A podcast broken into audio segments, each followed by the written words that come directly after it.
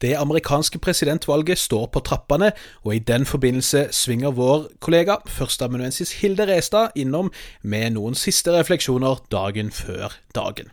Der USA får all spalteplassen, er det valguro og demokratisk backsliding i en rekke andre u-land også, og de skal vi naturligvis svinge innom. I tillegg blir det tid for et par gladnyheter, og ikke minst en lang samtale om hvordan Frankrike og Macron har blitt islamistenes fiende nummer én. Dette er Hva skjer med verden?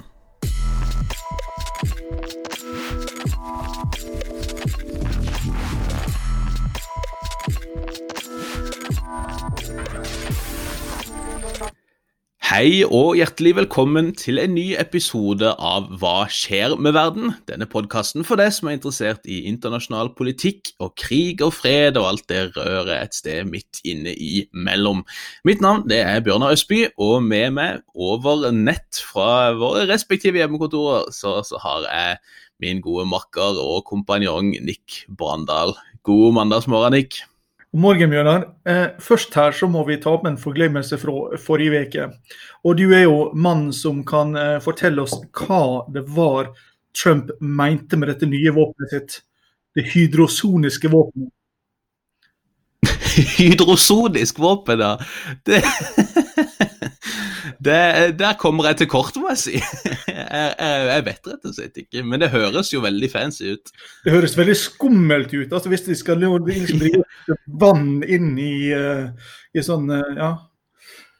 Er det liksom pumpe, pump, Er det bruke liksom hvallyder som psykologisk krigføring? For det må jo ha med vann og lyd å gjøre på en eller annen måte. Ja, ja, nei, altså jeg, er, jeg ser jo sett flere som har lurt på hva dette er for noe, og, og Trump har jo i sedvanlig stil ikke forklart noe som helst.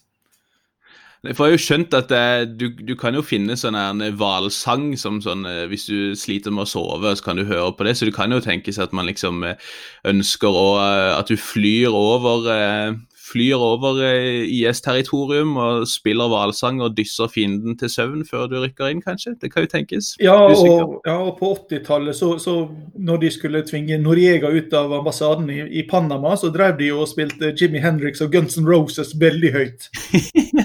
Stemmer det. Arme Leute. Eh, vi eh, sitter her på hvert vårt hjemmekontor. Sånn har det jo blitt her med lockdown 2.0. og eh, Det er grått vær, og det blåser og høljer ned, og livet smiler som vanlig, Nick. Ja, framtida er nå så lys at vi bruker solbriller. Det er helt uh, sant. Uh, jeg får gjenta igjen, vi er jo ingen fotballpodkast, men jeg har lyst til å bare legge inn en liten hilsen til vår, eh, vår sjef, som skal få lov til å slippe å bli nevnt ved navn, og si 1-0 to the Arsenal. Det var det hele. Takk.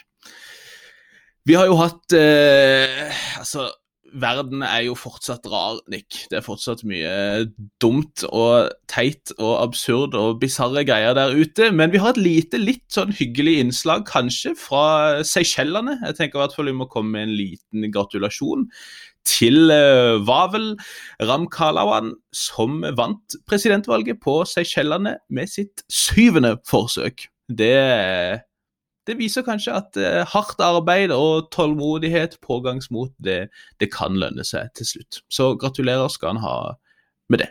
Dette er jo gode nyheter for ja, f.eks. Trond Giske. Det er mulig å komme tilbake og gjøre nyheter.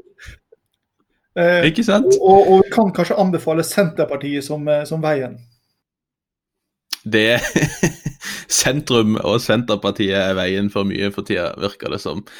Eh, en annen glad nyhet for så vidt er at eh, Comic Relief skal slutte å sende sånne hvite frelsere til Afriken for å filme seg sjøl med sultne svarte barn. Det er bra at de kan slutte med det, for det har vi fått eh, nok av etter hvert. Vi har jo eh, nylig tatt et lite oppgjør med noen av disse bistandssangerne, hadde jeg nær sagt, og kunne jo godt hatt et lite oppgjør med, med bistands... Eh, filmer også, eh, med slagere som eh, tårevått eh, barneansikt med fluer omkring, eh, sultne barn som ser ut i det fjerne osv.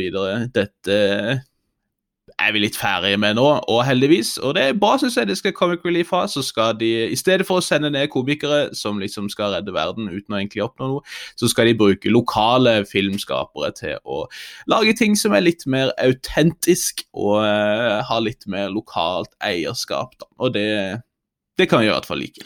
Vi fikk jo også interessante nyheter fra Pakistan denne uka. Nemlig at uh, landet har fått et nytt bompengeparti.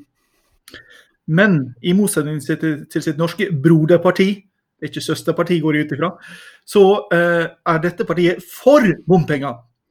Nærmere bestemt, ja, ja, nærmere bestemt, så er det Taliban som har satt opp sjekkpunkt langs hovedveiene i Afghanistan etter hvert som de har tatt kontrollen og begynt å kreve inn bompenger.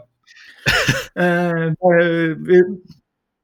ved, sida av liksom det å ta betaling, og, og, dette er et fullstendig ikke-korrupt system. altså Ingen av de som krever inn her, tør å ta noe mer enn det som Taliban har fastsagt. Eh, det, det, er mm. risikabelt.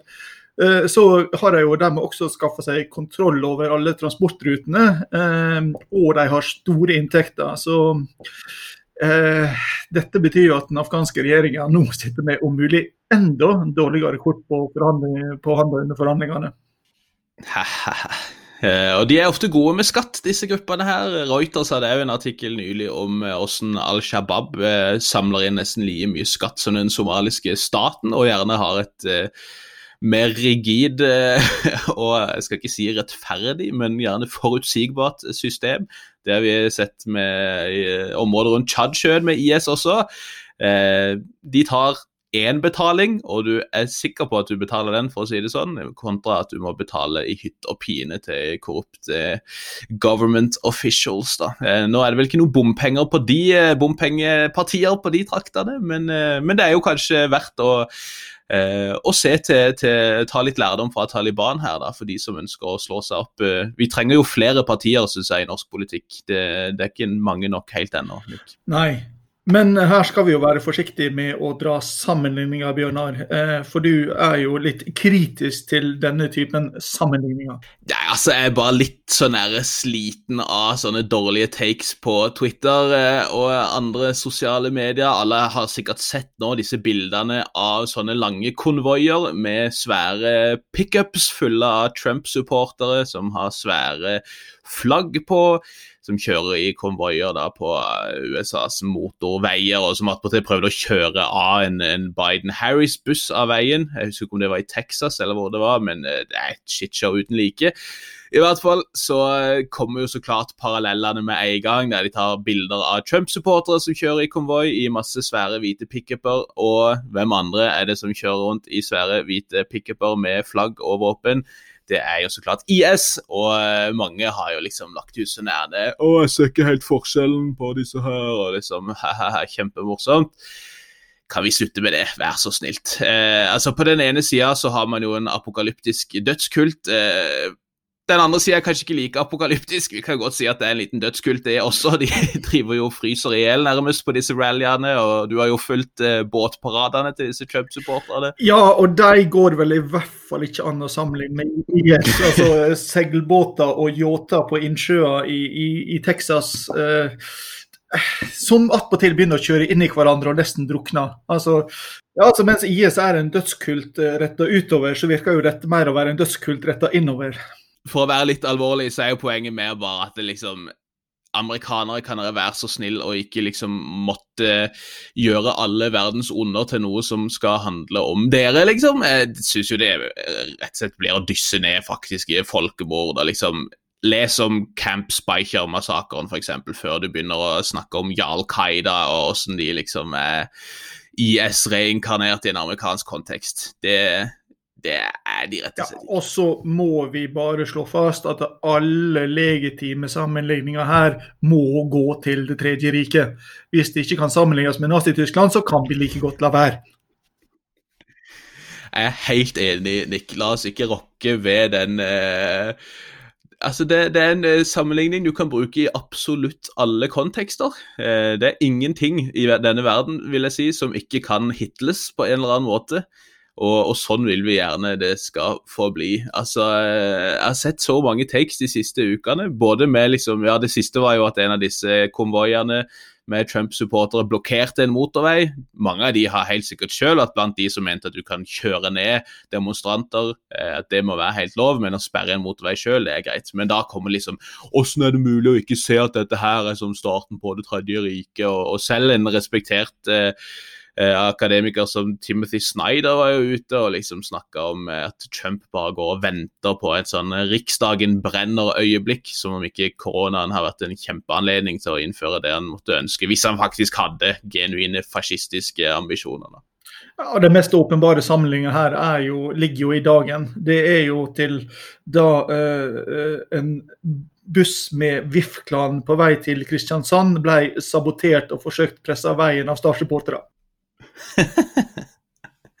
jeg må jo si jeg syns det er mange mer interessante paralleller til Sierra Leone enn til, til Nazi-Tyskland. Så vi kunne innført mange andre paralleller. Det er jo en del som prøver å dra paralleller til Irak også, men vi kan si Tredje rike, det funker alltid, Nick.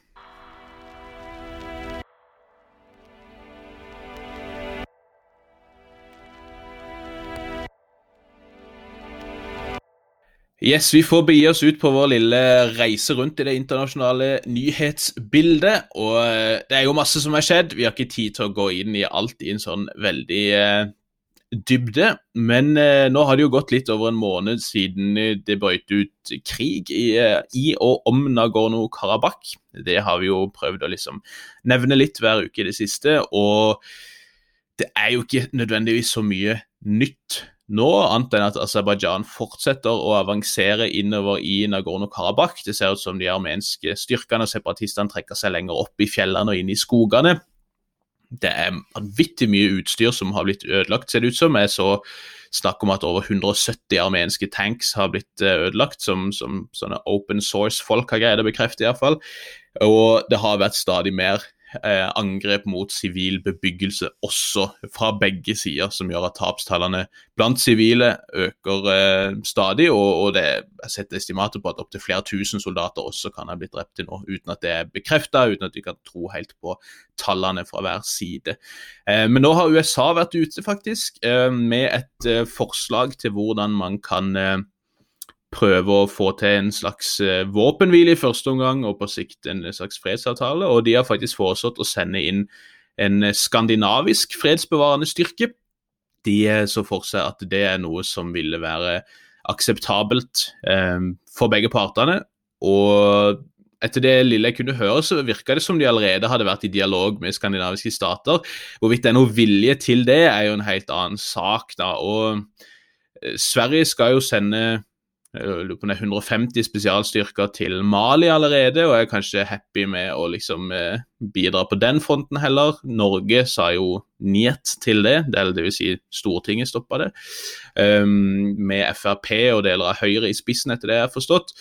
Med en ny regjering, eh, Nick, så kan det jo tenkes at det blir eh noe annet på sikt med, med Støre og hans tjommi uh, i Nato, men eh, jeg tror ikke akkurat jeg, jeg, har ikke hørt noe fra norsk hold ennå som, som, på en måte bekrefter at det er noe dialog på gang, eller at det er noe særlig vilje til å gjøre det. Nå, med liksom et sete i Sikkerhetsrådet så kan det jo hende at kalkuleringene blir annerledes, men, men jeg er usikker, altså.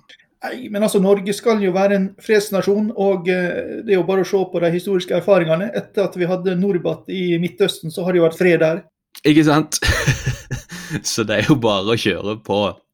Eh, det har vært eh, nye samtaler mellom utenriksministrene, så vidt jeg har forstått, men i hvert fall i Genéve. Eh, sånn face-to-face-samtaler der. Det har ikke resultert i noen ny våpenhvile. Det har visstnok blitt en enighet om å prøve å unngå å ramme sivil bebyggelse, men det ser ikke ut som det har blitt implementert i det hele tatt. Det er flere angrep på begge sider. Armenia har brukt klasevåpen, ser det ut til, og det er jo ikke tillatt. Så selv om man på en måte tilsynelatende Aserbajdsjan starta med å bombe sivil bebyggelse, så har ikke Armenia vært noe bedre der, for å si det sånn, i etterkant. Um, så det er ikke så mye nytt, annet enn at det er en, en tragisk og urovekkende situasjon. Det har vært snakk om òg at, at uh, det er tettere dialog nå mellom den armenske sida og Russland. De ber om russisk assistanse, og Putin skal visst igjen da ha sagt at han vil bidra dersom krigen når Armenia proper. da. Men enn så lenge så har det jo vært lite å se av denne her kollektive sikkerhetspakten, holdt på å si, som egentlig skal beskytte Armenia. Eh, vi kan jo nevne at USA og India skal ha inngått en eh, ny avtale om å dele satellittdata til eh, type etterretnings- og militære formål. Det virker jo ganske tydelig at det har å gjøre med felles interesser om å kontre Kina i regionen. Og eh, de skal da utveksle ganske mye data, virker det som. Mye som har å gjøre med mer type topografiske ting, og ting som kan, som kan hjelpe å overvåke type kinesiske avansementer i, i sine nærområder.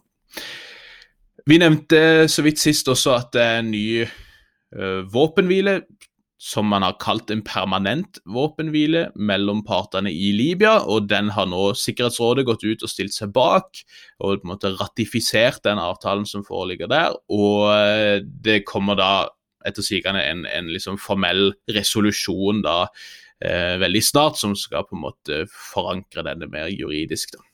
Vi kan nevne veldig kort også at eh, vi gjentatte ganger i løpet av dette året har vært innom eh, arrestasjonen og, og, den kommende rettssaken mot Felicien Kabuga, denne rwandiske businessmannen som gjerne omtales som hovedsponsoren av folkemordet i Rwanda. Han eh, var en av Rwandas rikeste menn og brukte mye av formuen sin til å kjøpe inn våpen, altså sponse noen av disse grupperingene som sto bak og utførte folkemordet. Han ble arrestert i Frankrike, og det var snakk nylig om at en fransk eh, domstol sa at han kan sendes videre til internasjonale domstoler, om det blir til Haag eller til Tanzania, og nå har han blitt sendt, eller skal han sendes til Haag.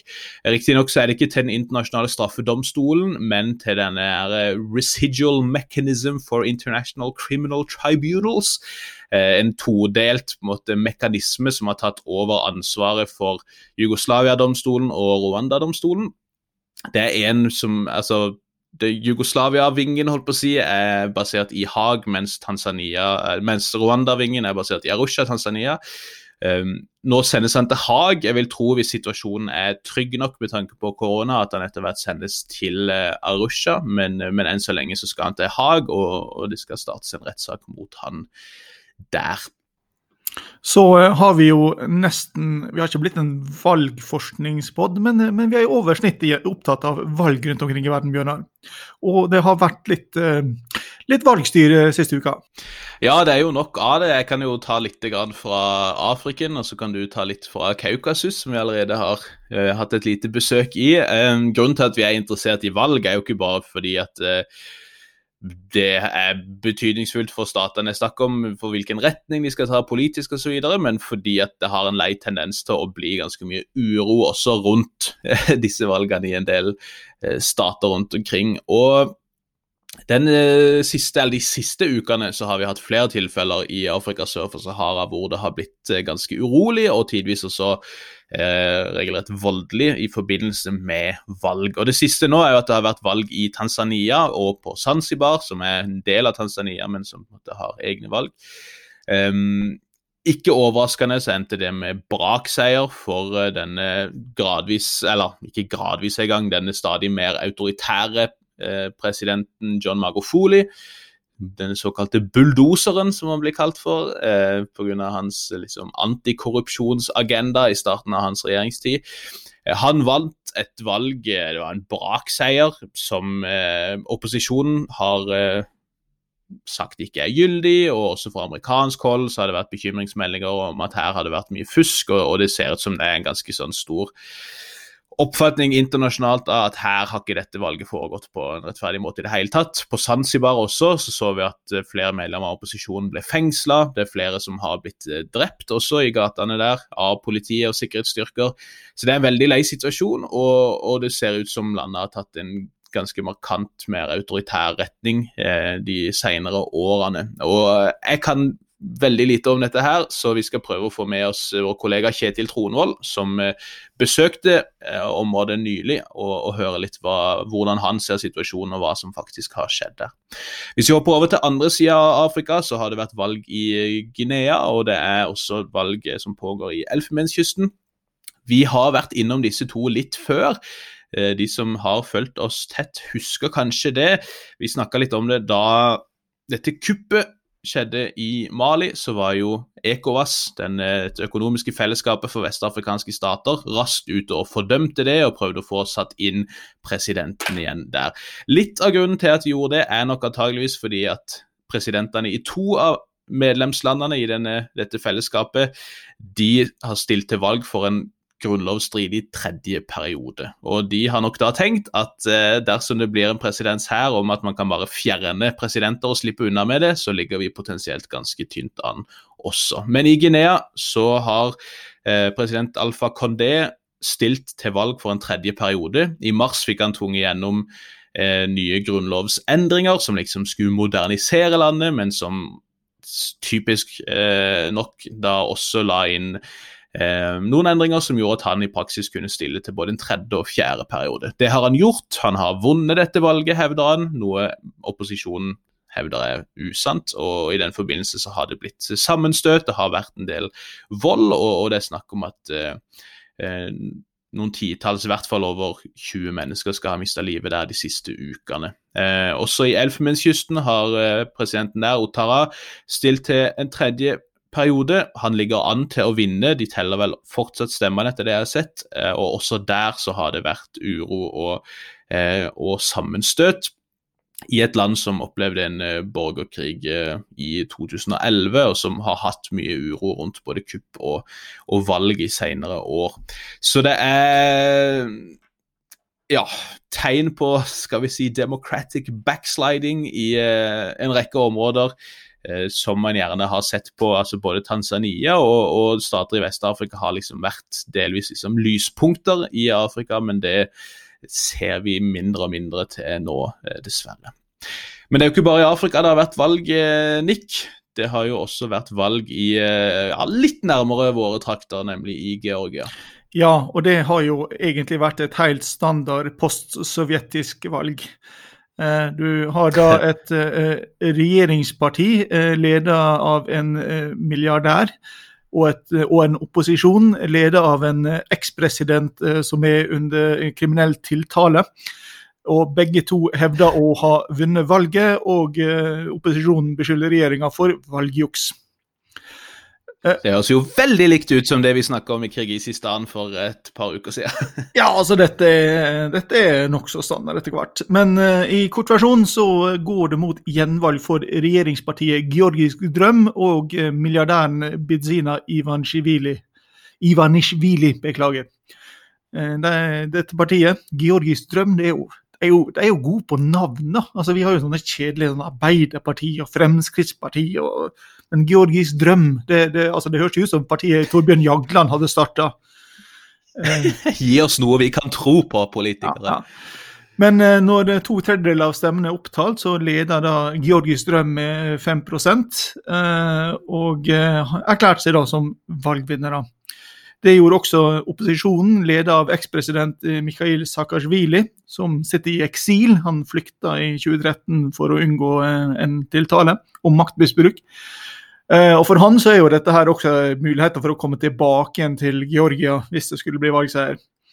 Eh, og eh, opposisjonen har jo da sagt at 5 eh, vi gir oss ikke på dette. Det er stemmejuks, og vi kommer til å mobilisere til masse protester de neste dagene. Så hvordan utviklinga blir her, er jo interessant.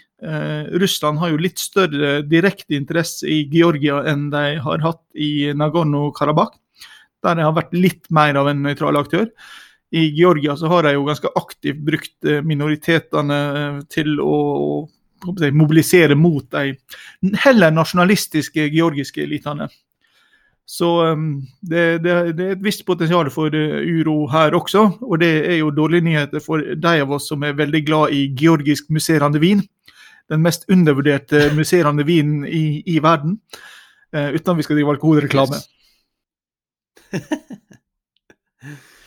Det har jo også vært ikke valg nødvendigvis, men en folkeavstemning i Chile, der eh, befolkninga har stemt om endringer av grunnloven, og der eh, man har i dag landa på at denne grunnloven skal eh, reformeres.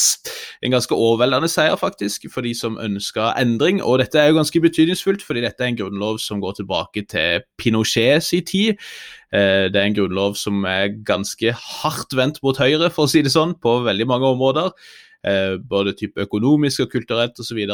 Så, det virker som dette ses for å være en ganske stor seier. Det har jo vært demonstrasjoner lenge i Chile, i et års tid vel, og det, de har tidvis vært ganske voldelige. og Det ser ut som elitene på en måte har prøvd å fredeliggjøre opposisjonen med liksom litt sånne concessions her og der, men, men de har faktisk holdt en folkeavstemning som ser ut som den har foregått nokså fredelig og greit, og, og nå har man da potensielt i hvert fall en mulighet til å bli kvitt noe av den verste arven etter dette fæle Pinochet-regimet.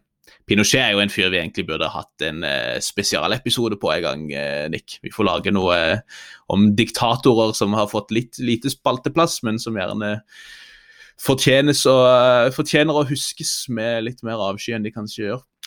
Absolutt en god idé. Den skal vi følge opp. Vi følger den opp. Eh, hadde nær sagt apropos eh, diktatorer, nei da. Men eh, Jeremy Corbyn han er blitt kasta på huet og ræva ut av Labour-partiet i eh, England, Nick. Hva i alle dager er det som har skjedd der? Ja, hadde det vært så vel, eh, hvis man skal tenke fra Keir Starmer eh, sin side. han har blitt suspendert fra partiet. Ja. Riktig. Og kortversjonen her det er jo da at uh, granskninga av antisemittisme i Labour, som har vært gjennomført av uh, ja, den britiske motsvaret til, uh, til uh, likestilling, så disse om, norske ombuda på, på, likestilling og osv., og, så videre, og barn og, og så videre, kom nå med en rapport hvor de slo fast at det hadde vært ordentlig, ordentlig ille med antisemittisme i Labour. Hmm. Og eh, dette var ikke direkte uventa. Eh, men eh, planen til Labour var da at eh, Keir Starmer som ny leder, som ikke hadde vært en del av dette gamle regimet Bortsett fra selvfølgelig at han hadde vært en del av dette gamle regimet, men det er en annen sak. Eh, eh, han skulle gå fram, han skulle være den som snakka, og han skulle si at dette er forferdelig, vi legger oss flat, og vi skal innføre alt som denne komiteen foreslår at vi skal innføre. Og den mm. planen eh, holdt nesten, men 20 minutter før Starmer gikk på lufta, så sendte eh, Jeremy Corbyn ut en melding på Facebook hvor han sa at dette er ordentlig, ordentlig ille, og dette er uholdbart, og dette skal vi gjøre noe med, og dette har vi allerede begynt å gjøre noe med. Og, og der kom jo problemet, hadde han en setning med at dette har også blitt brukt eh, i fraksjonskamper innad i Labour og av våre motstandere utenfor partiet. Mm. Og eh, det ødela jo hele strategien til Starmer med å få dette til å gå over veldig, veldig fort. Og eh, resultatet var at partikontoret, ikke Starmer, vedtok å suspendere Corbyn. Det fikk Corbyn ikke beskjed om direkte, det fikk han vite gjennom media som å spisse dette til eh, enda mer. Uh, og nå må da Labour gjennomføre en granskning av Corbyn, og ikke bare av uh, og Der de liksom hadde tenkt å bare igjen plassere dette bak seg og gå videre, og fokusere på at uh, mm. regjeringa gjør en ordentlig, ordentlig dårlig jobb på absolutt alt, fra brexit til covid. Så kommer de nå til å ha sin egen uh, britiske utgave av Giske-saka, uten sammenligning for øvrig. Og det er jo altså, Storbritannia, eller England spesielt, holdt på å si, det er jo et uh, shitshow, virker det som. Altså, det, det, var jo masse krøll med denne pressekonferansen om en ny lockdown òg. Det var vel seint på fredag kveld, vel. Der òg kom det lekkasjer ut i media først. og uh, de kom jo for seint ut, Borison, til, til, pressekonferansen. Så eh, BBC, som hadde et, uh, en sendeplan å forholde seg til, de hoppa videre til et uh, danseprogram eller et eller annet sånt midt i sendinga der. og ga ganske greit deng i, i den pressekonferansen, som vel òg var bare mer forvirring. Liksom go to work, don't go to work. don't use buses, but use buses if you do go to work, but don't go to work. Stay at home, but don't stay at home. Det er liksom bare Ja, det er, det er et opplegg, for å si det på sørlandsk. Ja.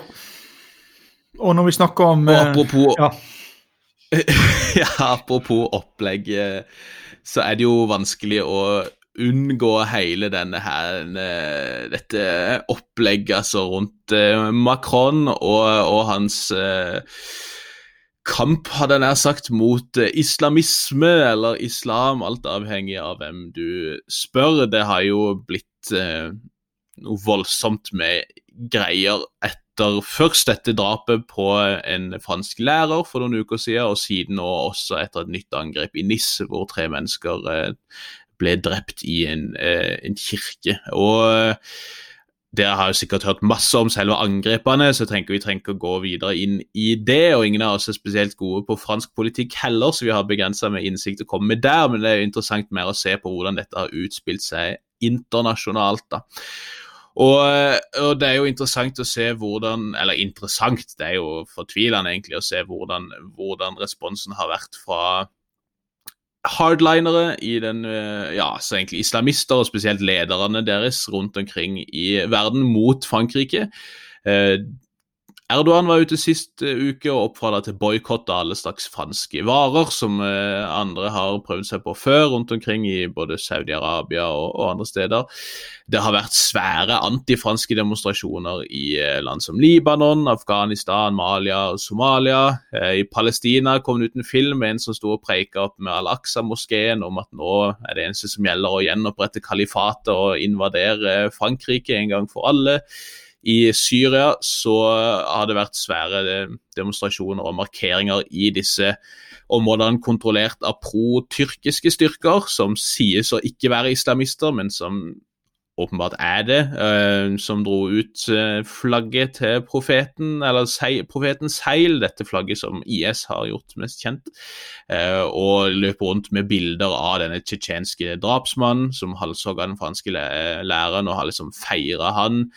Det har vært um, lignende markeringer rundt omkring andre steder også. Jeg synes Den mest kreative løsninga var i Libya, hvor en eier av en bank da hadde eh, håper å si, tapetsert gulvet med bilder av portretter av Macron med én meters avstand, sånn at folk kunne liksom stå på Macron sitt fjes og samtidig opprettholde eh, den nødvendige sosiale distanseringa. Men dette har jo virkelig blitt eh, time to shine for sånne hyklerske, patetiske opportunister som eh, Tyrkias Erdogan eller Pakistans Imran Khan. Og dette var den eh, type eh, objektiv eh, analyse og språkbruk som vi oppfordra alle studenter til å bruke, Bjørnar? Helt korrekt. helt korrekt. Av og til så får man litt overtenning, så må vi bare lufte psyken litt. Eh, det har jo vært nokså gjennomgående fra disse lederne at de fordømmer angrepet, men på den ene sida så har de jo piska opp eh, retorikk og motstand, egentlig regelrett hatretorikk mot Frankrike eh, gjentatte ganger der det har passa de.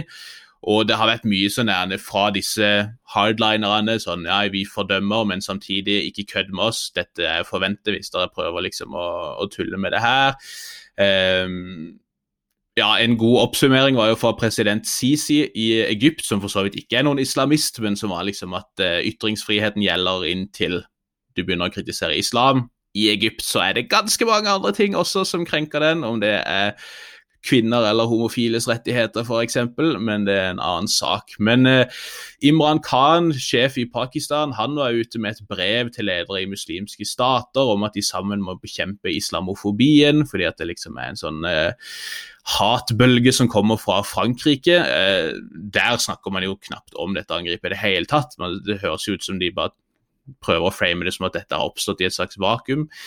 Eh, det har jo også vært mye styr rundt tidligere statsministeren i Malaysia, eh, Mahathir Mohammed, som var ute på Twitter. Han hadde en lang tråd der han skrev om eh, det som hadde skjedd, og midt inni der så skrev han jo en tweet som så klart har blitt blåst opp veldig og delvis blitt tatt ut av kontekst, der han sa at muslimer hadde rett til å drepe millioner av franskmenn pga. alt det dritet franskmennene har gjort opp igjennom. Så skal det sies at han fulgte opp med å si at muslimer gjør ikke det her, og de bør ikke gjøre dette, og så videre. Men eh, det er ganske sterkt å melde uansett. Den tweeten ble først flagga av Twitter som at denne her går imot våre retningslinjer, à la det som skjedde med Trump for noen måneder siden. Og, måneder siden, og så har den da blitt fjerna av Twitter etterpå. Så nå, nå fins ikke den tweeten der, eh, men tråden ligger ute fortsatt. Eh, han har jo sjøl gått ut Mathias, og, og kritisert Twitter for ikke å ha fått en anledning til å forklare seg liksom, og til å rette opp i dette her, men, men det er jo uansett det, det, tar seg ikke veldig ut å melde det der, om du så leser det i kontekst også. Utenriksminister i Iran, Jawad Zarif, har også hevet seg på, fordømt eh, Macron og, og snakka om a cult of hatred, som kommer fra eh, fransk hold. og eh, ja, de er muslimer er the primary victims of the abhorrent crimes of such extremists, som i, i Frankrike. Ikke da de som drepte le, le, denne læreren eller ofrene i denne kirka, men Macron, tydeligvis. Og, og snakker om også hvordan Macron fuels extremism. Og eh, både Erdogan og Khan og Sarif for så vidt, og det er statene de eh, står i bresjen for, håper å si. De har jo selv tusenvis av muslimers liv på samvittigheten, i både Syria og Irak og i Afghanistan for den saks skyld, hvor, hvor Pakistan har eh, stått for veldig mye dritt opp igjennom. Så det er ganske vanskelig å ta de seriøst. Um, i Frankrike så har lederen for det måte, islamske rådet der vært ute og sagt at muslimer er ikke forfulgte i Frankrike. Han har prøvd å mane til ro. Også der så har man jo sagt liksom, at eh, det er lov å, å, behandle muslimer med respekt allikevel. Og jeg tenker også det er helt unødvendig å skulle drive og provosere, men det, det, har jo ikke liksom altså, Det har man all rett til å gjøre uansett, og det må man liksom forholde seg til. Eh, men jeg syns jo det er litt sånn slående også at en del eh, deler av media i Vesten også har liksom vært mer forståelsesfulle enn de fleste moderate muslimer er. altså de, jo, de moderate muslimene, de vanlige muslimer, jo, blir jo holdt til gissel omtrent av disse islamistene, mens Ap var jo ute og liksom snakka om liksom, hvorfor eh, skaper Frankrike så mye sinne i den islamske verden? Det handler om deres kolonielle fortid, om deres harde sekulære eh, policies og om en, liksom, en eh, president som bruker ganske hissig retorikk, og som ofte ses som å være liksom ufølsom i møte med islam. Og det er jo i og for seg mye sant med, med, både at Frankrikes fortid som imperium har en del med, med ting å, å, å, gjøre. Man kan snakke om fransk internpolitikk, integreringspolitikk, masse forskjellig. Men det blir, jeg syns det blir lovlig søkt. altså, altså vi skal være litt forsiktige med whataboutisms og alt dette her, jeg skjønner det, men jeg kommer til å gjøre det likevel da. Og det er jo å se på et annet land som har en ganske brutal kolonistisk fortid, som har rimelig beinharde sekulære policies, som har høyst fiendtlig retorikk fra øverste hold, som tvangssteriliserer muslimske kvinner, og hever en million muslimer i konsentrasjonsleirer, som selger håret de sitt til skjønnhetsindustrien, og som aktivt har prøvd å utslette alle spor etter islam i Xinjiang. De har bulldosa ned hundrevis av år gamle moskeer i disse områdene. Dette skjer rett over fjellet fra Khan i Pakistan. Eh, men, men, ingen fordømmelse å spore der, verken fra Tyrkia skal sies, Tyrkia hadde vært noe. med sitt Øsil. fotballspillerne, fikk jo pes for å ha snakka om dette. Men, men eh, nasjonale sikkerhetsrådgiveren i, eh, i Pakistan, rådgiveren til Khan, han var ute her nettopp og sa at uigurene det er non-issue. Alt er i orden der.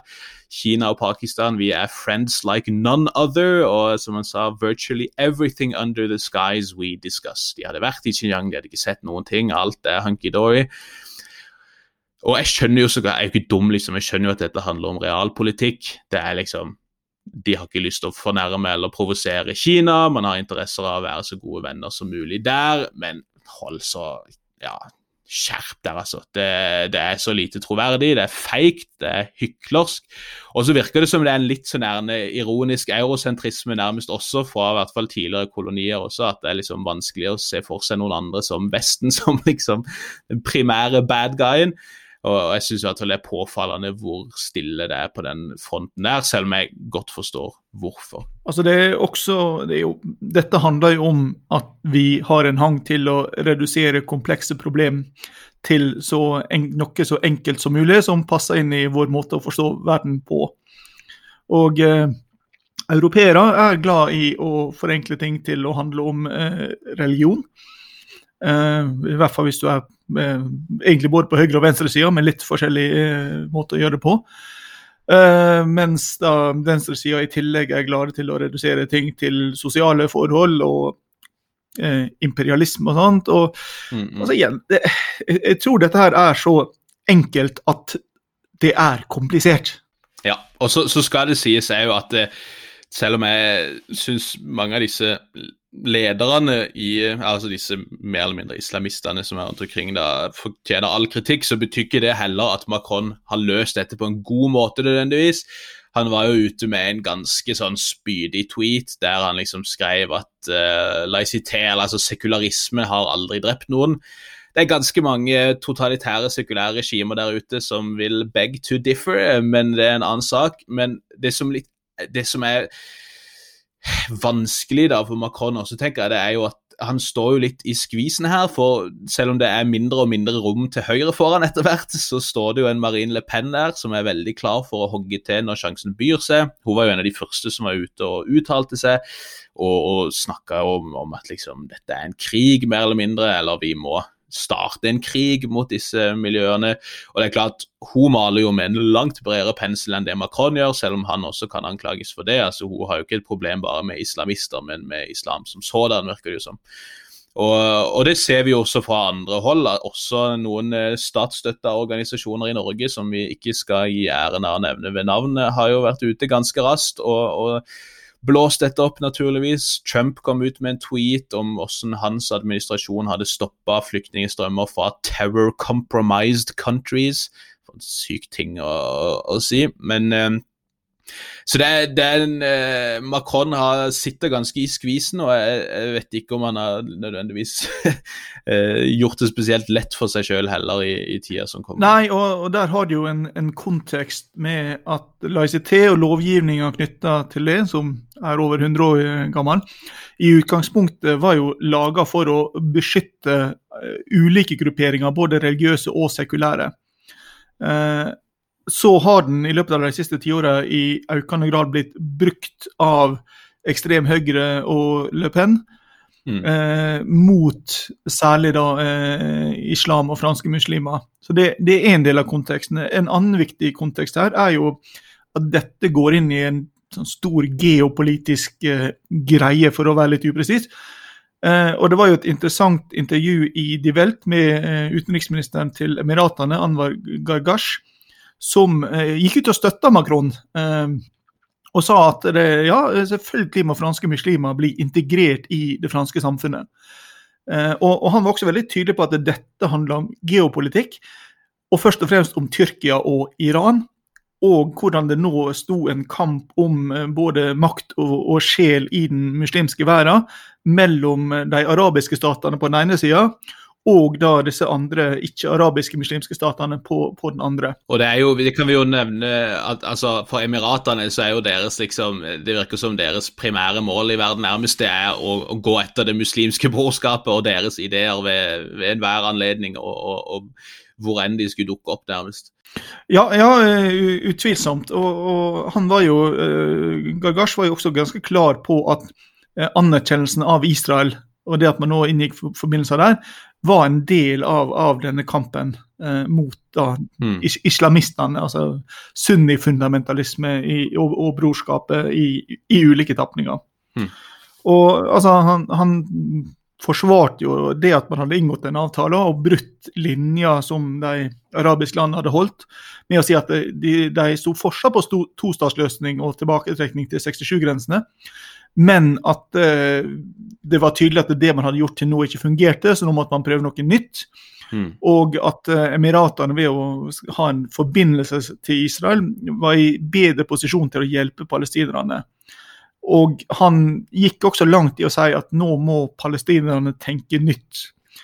Og med tanke på at Emiratene er en av hovedbidragsyterne til de ulike palestinske selvstyremyndighetene og grupperingene, og at han gikk langt i å si at det var et vilkår for at denne støtten skal fortsette, så um, har han lagt betydelig press på, uh, på den palestinske sida her. Mm. Det var også interessant at han sa mer eller mindre rett ut at Saudi-Arabia sto bak Emiratene. Det har vi jo mistenkt, uh, og ikke bare mistenkt, vi har sagt det, men uh, det ble nå langt på vei bekrefta. Mm. Eh, men så knytta han også dette linjeskiftet til nettopp den større geopolitiske utviklinga i Midtøsten. Der han dro en linje tilbake til 1979 og, og, den islamske fundamentalismen som da kom i, med krigen i Afghanistan, revolusjonen i Irak og okkupasjonen av moskeen i Mekka. Uh, og, og, og, sa at uh, nøkkelelementet i Emiratenes utenrikspolitikk nå var kampen mot det muslimske brorskapet. Og han mente da at den største trusselen i regionen nå var iransk og tyrkisk imperialisme. Det var jo et ord han interessant nok brukte. Og Han sa at det var en kamp mellom tyrkere og arabere, der Erdogan sin, sin plan var å gjenopprette det osmanske eh, imperiet. Eh, og, og, Han kom jo også inn på hva som vil skje med en eventuell president Biden. Eh, og eh, Iran-atomavtalen. Og han mente at det, det, var ikke bare å gjenoppta den, slik som Biden hadde sagt. Den måtte forhandles på nytt, der man måtte stoppe Irans støtte til fundamentalistiske miljø og militser i regionen. Og en måtte gi de arabiske landene en hånd på rattet i når man skulle bekjempe Iran. Det er jo kjempeinteressant da, om, om, det liksom Jeg tviler jo litt på det sjøl, men om det liksom ligger muligheter for en, ny type sånn her panarabisk mobilisering eller det man så på typ 60-tallet, da, eh, mot det man nå ser som et nytt forsøk fra tyrkisk hold om å, å kolonisere Midtøsten eh, og truslene fra Iran. Og man ser jo det, altså Tyrkia har jo forskansa seg i Nord-Syria, og det ser ut som de har planer om å trekke seg derfra på en stund. De har eh, baser i Nord-Irak og, og, prøver å, å, øke innflytelsen der. Det kan jo virke som det er samarbeid implisitt, i hvert fall med Iran. eller altså, Det ser i hvert fall ikke ut til at det er noen sånne kraftige motsetninger. Eh, de står på hver sin side i Syria, men, eh, men det kan jo tenkes at de finner sammen mer, som vi har sagt. Altså, det ville vært interessant å se om, om eh, i hvilken grad det er potensialet for en liksom mer felles arabisk kontring der, da. Jeg ser ikke det kjempeformet, men, men, det er ikke utenkelig heller. Nei, og vi har jo vært inne på tilnærminga mellom eh, USA og India, og, og, den kan du også lese inn i dette lyset. fordi India nær, lå, la seg jo tett på Sovjetunionen under den kalde krigen. Og, og, det var jo en del av tilnærminga mellom Pakistan og USA, og særlig tett etterretningssamarbeid mellom Pakistan og USA. Mm. Eh, det at Pakistan nå går veldig mye tydeligere inn på Tyrkias side i, i, denne kampen i den muslimske verden, eh, handler også om at det er større geopolitiske endringer der. Der du ser da tilnærminga mellom USA og India, og mindre hjertelig samarbeid med Pakistan og USA. Mm, mm. Absolutt. Eh, og jeg eh, håper jeg bare, bare nevne veldig kort når vi først er innom liksom omkonfigureringer av regionale samarbeider også, så, så, kan det jo se ut som det jobbes for å opprette en slags sånn allianse langs Nilen også. Gjerne for å type, prøve å utbalansere land som Etiopia bl.a. Nå har USA på, hatt diplomater i, eller en delegasjon til eh, Kongo for å prøve å fremforhandle et nytt type militært samarbeid eh, der. Eh, Egypt har vært i Kongo også eh, nylig og forhandla om det samme. USA har jo falt tungt ned på Egypts side i eh, denne eh, dragkampen rundt den etiopiske demninga på Blå Nilen.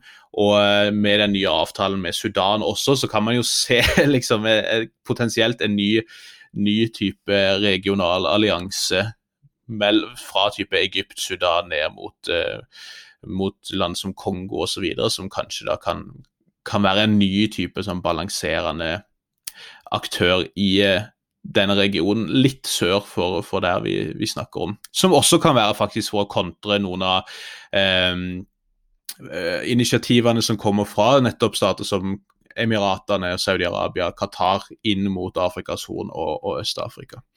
Så det er fryktelig eh, interessante tider sånn sett også, eh, og noe vi må følge med på videre.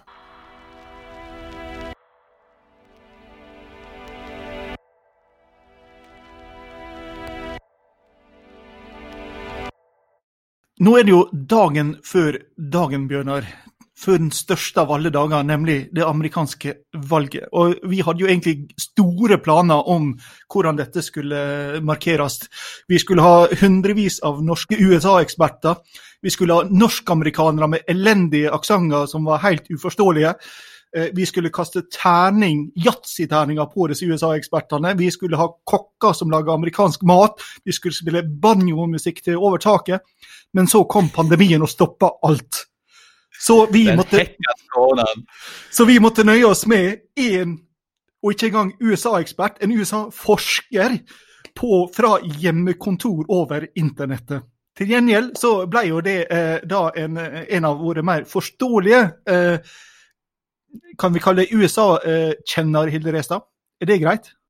Altså, folk får panikk når jeg sier at vennligst ikke kall meg USA-ekspert, og, og, så griper de til alskens andre typer begreper, når det går fint at vi bare sier førsteamanuensis ved Bjørknes høgskole. USA-kjenner høres jo mye mer ut som en sjarlatan. Altså, det er sånn en bodde et semester i uh, i Miami, liksom. USA-kjenner. Så skal... hvis jeg skulle valgt, så ville jeg heller vært ekspert, i hvert fall. Skal vi ta og utarbeide en um, kanskje en slags uh, kartleggingsprøve, uh, sånn at vi er klart om fire år. Uh, hvor, sånn at hvis mm. man tar prøven, så kan man bli plassert. ikke sant? Er du i kjennerkategorien? Er du i ekspertkategorien? Er du i forskerkategorien? Jeg vet ikke. Mm. Hvor mange liksom, domsavsigelser kan du name-droppe? ja, ja, ja. Men, men, her må vi også ta inn eh, det der geografiske, eh, og, det, og, det, blir jo komplisert. For eh, når du bodde i USA, så bodde jo du i real America. Men i dag så er jo det stedet du bodde, ikke real America lenger. Det, det, det It's a treacherous path der, der, eh, fra å ha bodd i Virginia, som var en rød delstat, til eh, å ha blitt en blå delstat eh, på ganske kort tid. Så det, man, er, man er aldri trygg på at man har bodd i det virkelige USA. Men eh, valget i morgen, hva er det mest og minst overraskende som kan skje? Ekstremene her. Um, det mest overraskende som kan skje, og det mest usannsynlige, er jo om Biden skulle tape eh, ikke bare valgmannskollegiet, men også antall stemmer. Eh, fordi nå ligger jo Biden veldig mye bedre an enn Hillary Clinton gjorde i 2016. Nate Silver, 538, to dager før valget i 2016, hadde da eh, Hillary Clinton sin gjennomsnittsledelse i meningsmålingene var 2,8 prosentpoeng. Og Joe Biden sin gjennomsnittsledelse i går hos Nate Silver var 8,6 prosentpoeng. Så da, hvis eh, Biden taper eh, antall stemmer, så betyr jo det at meningsmålingen har tatt kjempefeil. Og det ville være veldig overraskende. Det er også veldig usannsynlig. Eh, det mest sannsynlige, og dermed minst overraskende som skjer, er jo at eh, Joe Biden vinner både antall stemmer og også nok valgmenn til å ta presidentembetet. Eh, men en del av grunnen til at vi er usikre fortsatt, bortsett fra at vi har posttraumatisk symptom fra 2016, er jo at det har skjedd noe overraskende, nemlig at Trumps oppslutning blant minoritetsvelgere iallfall hos noen minoritetsvelgere, har gått opp. Altså det, det, virker som han gjør det bedre hos, blant latinos, eh, hos svarte menn, særlig yngre svarte menn. Og det er faktisk en minoritet der han slår Biden, nemlig vietnameserne. Der får han 2% mer. Hvordan kan vi forklare dette? Det kommer Jeg skal ikke forklare det før vi ser hva tallene faktisk blir. Um, men det vi ser, er jo at det er Um, en av de viktigste um, konfliktlinjene i amerikansk politikk er jo kjønn. Uh, og vi ser jo at Donald Trump uh, gjør det bra hos mannlige velgere, om de er hvite eller latinos eller svart, selv om han nok gjør det minst bra hos svarte uh, mannlige velgere. Og det er ikke sikkert at han får noe mer oppslutning blant svarte enn det Hillary Clinton enn, enn det han fikk i 2016 mot Hillary Clinton. Men vi ser at eh, eh, mannlige velgere med latinamerikansk bakgrunn, der, eh, gjør Trump det ganske bra. Men igjen så er det også sånn at det er nok lurt å eh, Hva heter disaggregate på norsk, tror jeg? Del opp, nyansere. det, det, det, var så det, Hallo, del opp, skal vi bruke sånne folkelige trykk? Ja, del opp eh, de her gruppene, ikke sant, fordi at eh, lat, en, lat, en, latino er ikke en latino. Det er veldig mange forskjellige undergrupper her. Eh, og det kan nok være at eh, det er i noen latinos grupper som gjør Trump det bedre enn i andre latinos grupper. Um, men det er, også, og det er også en generasjonsforskjell. sånn at Det brukte å være sånn at man var ganske sikker på at republikanerne alltid vant stemmene til um, det eksilkubanske miljøet i, i Florida, f.eks.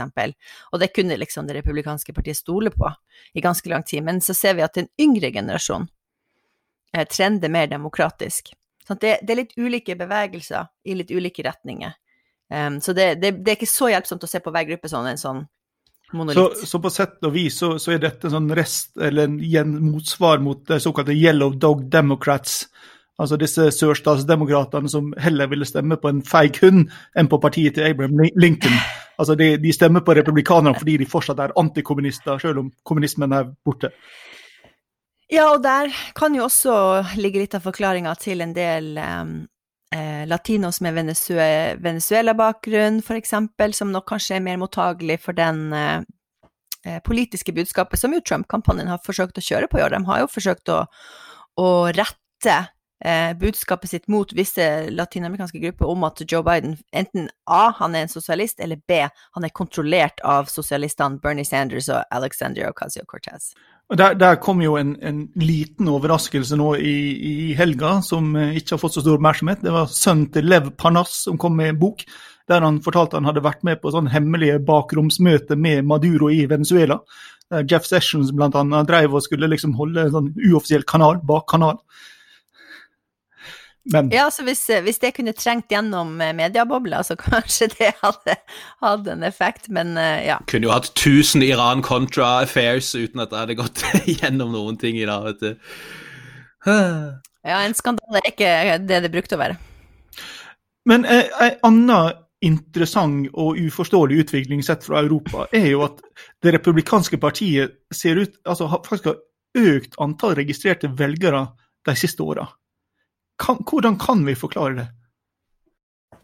Uh, nei, det har nok med de bevegelsene i velgergruppen som allerede var på vei, uh, at du nok kanskje hadde en del uh, velgere f.eks.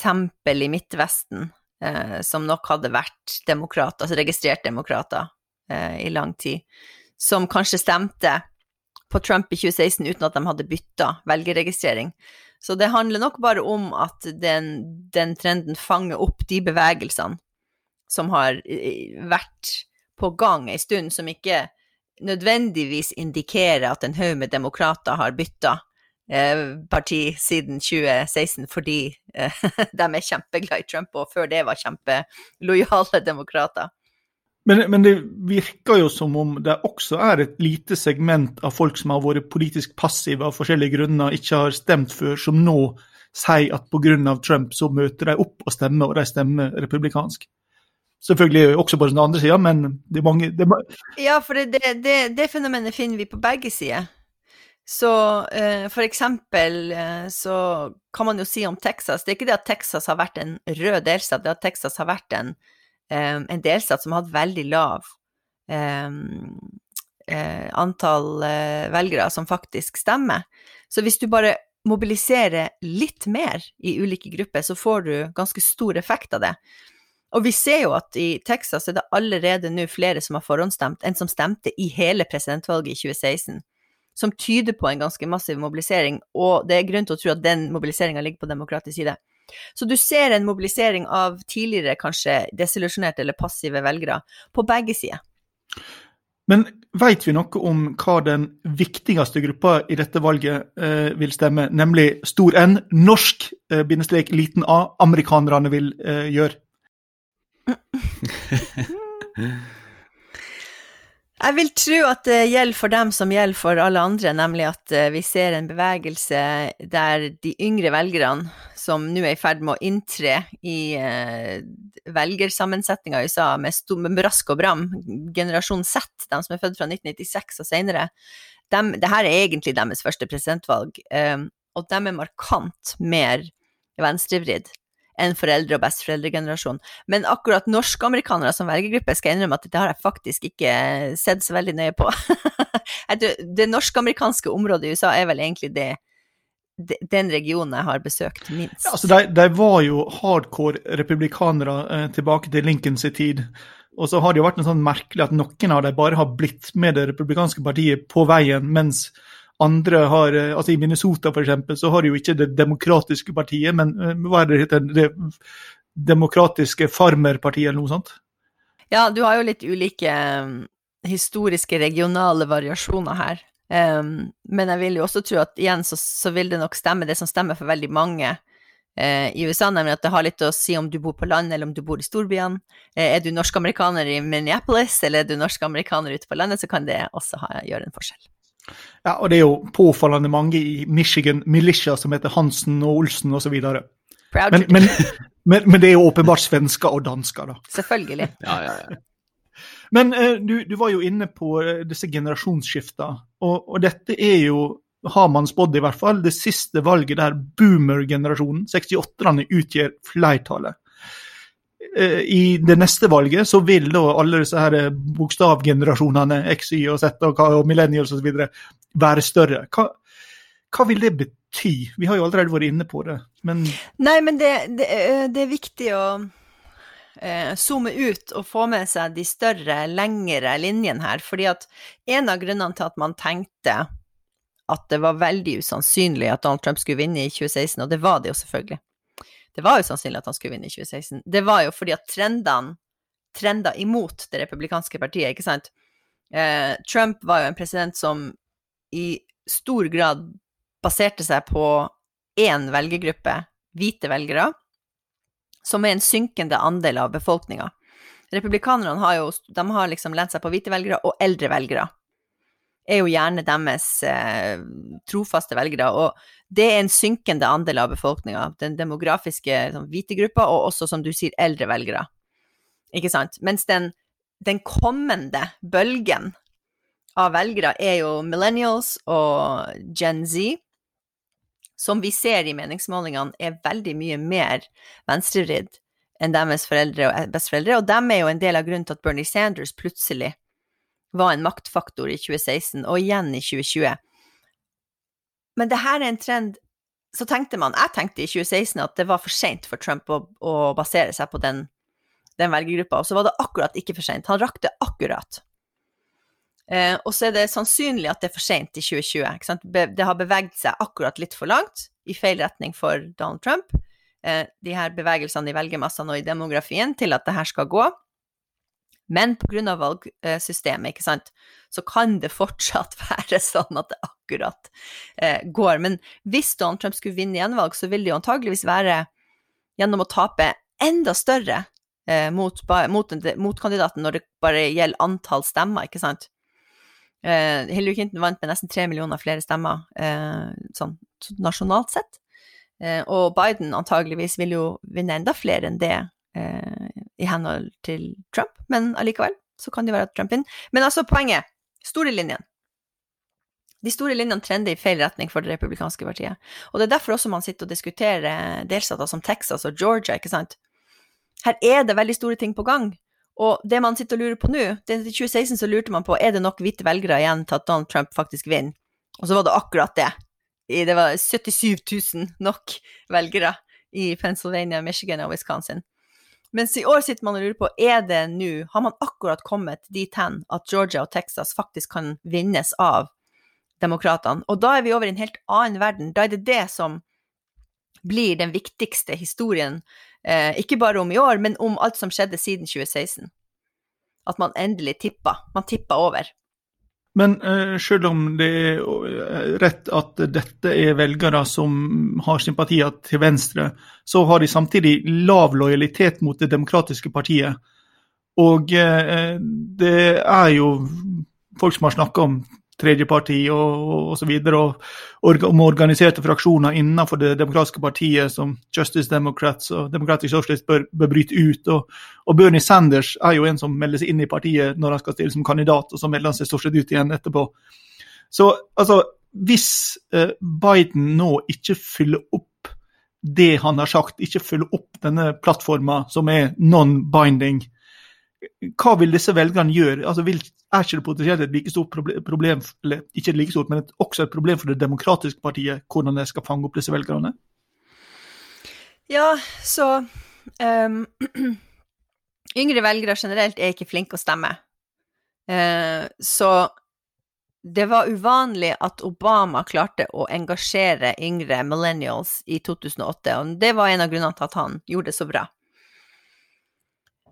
Hvis Joe Biden nå skulle vinne, eh, på en bølge av bl.a. yngre og mer progressive velgere, så er det jo Så vil jo det samme skje igjen. Hvis Biden ikke klarer å eh, faktisk få gjennom viktige reformer som eh, påvirker alle de her velgerne, om det handler om økonomi eller utdanning eller helse eller miljø, hvis han ikke klarer å få gjennom noe stort og viktig, så kommer ikke de til å orske å gå og stemme i mellomvalget i 2022. Og da har du Obama 2010 all over again, og så har du de neste to eller eh, seks årene da, igjen av en Biden-administrasjon, hvor du har eh, republikanere i Kongressen som, som eh, legger ned veto mot absolutt alt du skulle ha gjort. Således er det veldig viktig for Biden og Det demokratiske partiet, skulle han vinne presidentembetet, at, at de også vinner Senatet. For nå har de Representantenes hus, men hvis de ikke vinner Senatet, så vil ikke noe bli gjort. Det er, det er, veldig få ting som kommer til å bli vedtatt i Kongressen de neste årene, som igjen da fører til politikerforakt og skuffelse blant Biden sine velgere. Ok, og i fortsettelsen av dette, la oss nå ta et uh, uh, rollespill. Det er ikke Biden som blir president, det er Hilde, og uh, demokratene tar kontroll over Kongressen og Det hvite hus. Hva er det første du gjør? De sier Puerto Rico til delstater, utvide høyesterett, innvandringsreform, helsereform, valglovsreform eller Green New Deal. Altså, å be akademikere om å være lure politikere er jo en øvelse, en øvelse i meningsløshet. Men um, demokratene har jo i ganske mange tiår ikke vært så veldig lure politiske strateger de er generelt ikke like nådeløse og strategiske som det republikanske partiet. Eh, det, det demokratene er nødt til å eh, vedta, som de har forsøkt å få gjennom nå, fordi de tok Representantenes hus i eh, 2018, men de ikke fikk gjennom fordi Mitch McConnell satt og kontrollerte Senatet, det er selvfølgelig å sikre og forankre stemmeretten. Fordi en av de store problemene i år er jo at vi ser at det er massive forsøk på å svekke den praktiske muligheten eh, til å stemme, eventuelt etter at folk har stemt, og forsøke å ikke telle stemmene deres. Eh, som vi ser er en republikansk eh, strategi, rett og slett, som er selvfølgelig veldig trist, men det er også en demokratisk krise. Eh, og så demokratene, eller Joe Biden, er nødt til å først passe på at, at neste valg blir et rettferdig valg. Det er veldig, veldig, veldig viktig. Og så tror jeg ikke man trenger å eh, legge til høyesterettsdommere à la FDR og bare liksom slenge inn flere dommere eh, fordi man er sint og sur eh, på Høyesterett som ikke gjør sånn som man vil, men eh, jeg tror absolutt at det kan være et flertall i befolkninga for en reform av Høyesterett som i det lange løp kan føles rettferdig for begge partier, der man kan korte ned på hvor lenge man får lov å sitte som dommer, og endre litt kanskje eh, hvem som blir vurdert uh, som dommere.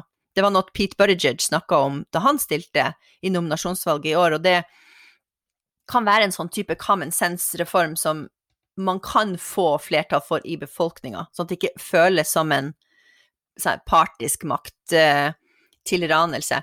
Men at Washington DC burde bli delstat, er jo en selvfølge. Det er jo ingen grunn til at de skal sitte og ikke ha representanter i Senatet og Kongressen. Eh, og dersom Puerto Rico ønsker å bli delstat, som vel er et spørsmål, så er det klart at de burde få lov å bli eh, delstat, dem også. Det handler jo igjen bare om demokratisk rettferdighet. Puerto Rico har jo hatt eh, avstemninger før, og de har ikke gått fordi det enten har blitt eh, nei, eller det har vært for få som har møtt opp. Og, men de har det jo oppe igjen i, i år, da, så det kan jo bli interessant.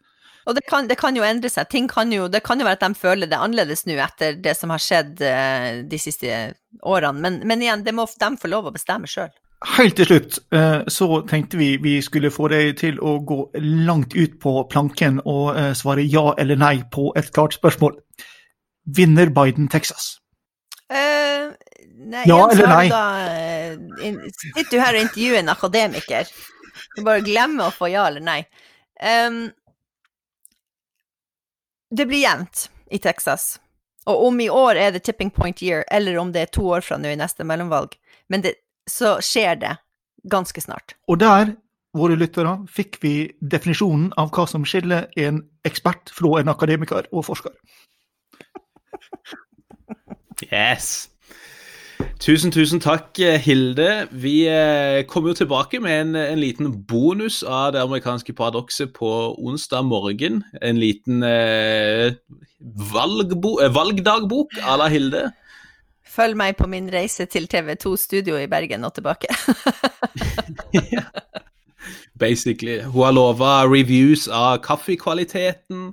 Det kommer litt sånne soundbites innimellom etter hvert som det kommer inn eh, nye info og eh, litt, uh, litt sikkert noen stille sukk. Og så og, har vi også fått inn noen spørsmål som Hilde skal prøve å svare litt kort på innimellom slagene der. Så Jeg kom på noe lurt, Bjørnar. Jeg kom på noe lurt, for at jeg skal ja. sitte i, i TV 2 i Bergen sammen med Hans Olav Lahlum og Eirik Bergesen og en haug med andre folk. Jeg kan jo egentlig bare Jeg er jo ikke journalist, jeg trenger ikke å følge noe sånn Vær varsom-plakat. Jeg kan egentlig bare ha mikrofonen på på pauserommet og høre hva de sier, og så bare spiller vi det av. Kan vi ikke gjøre det?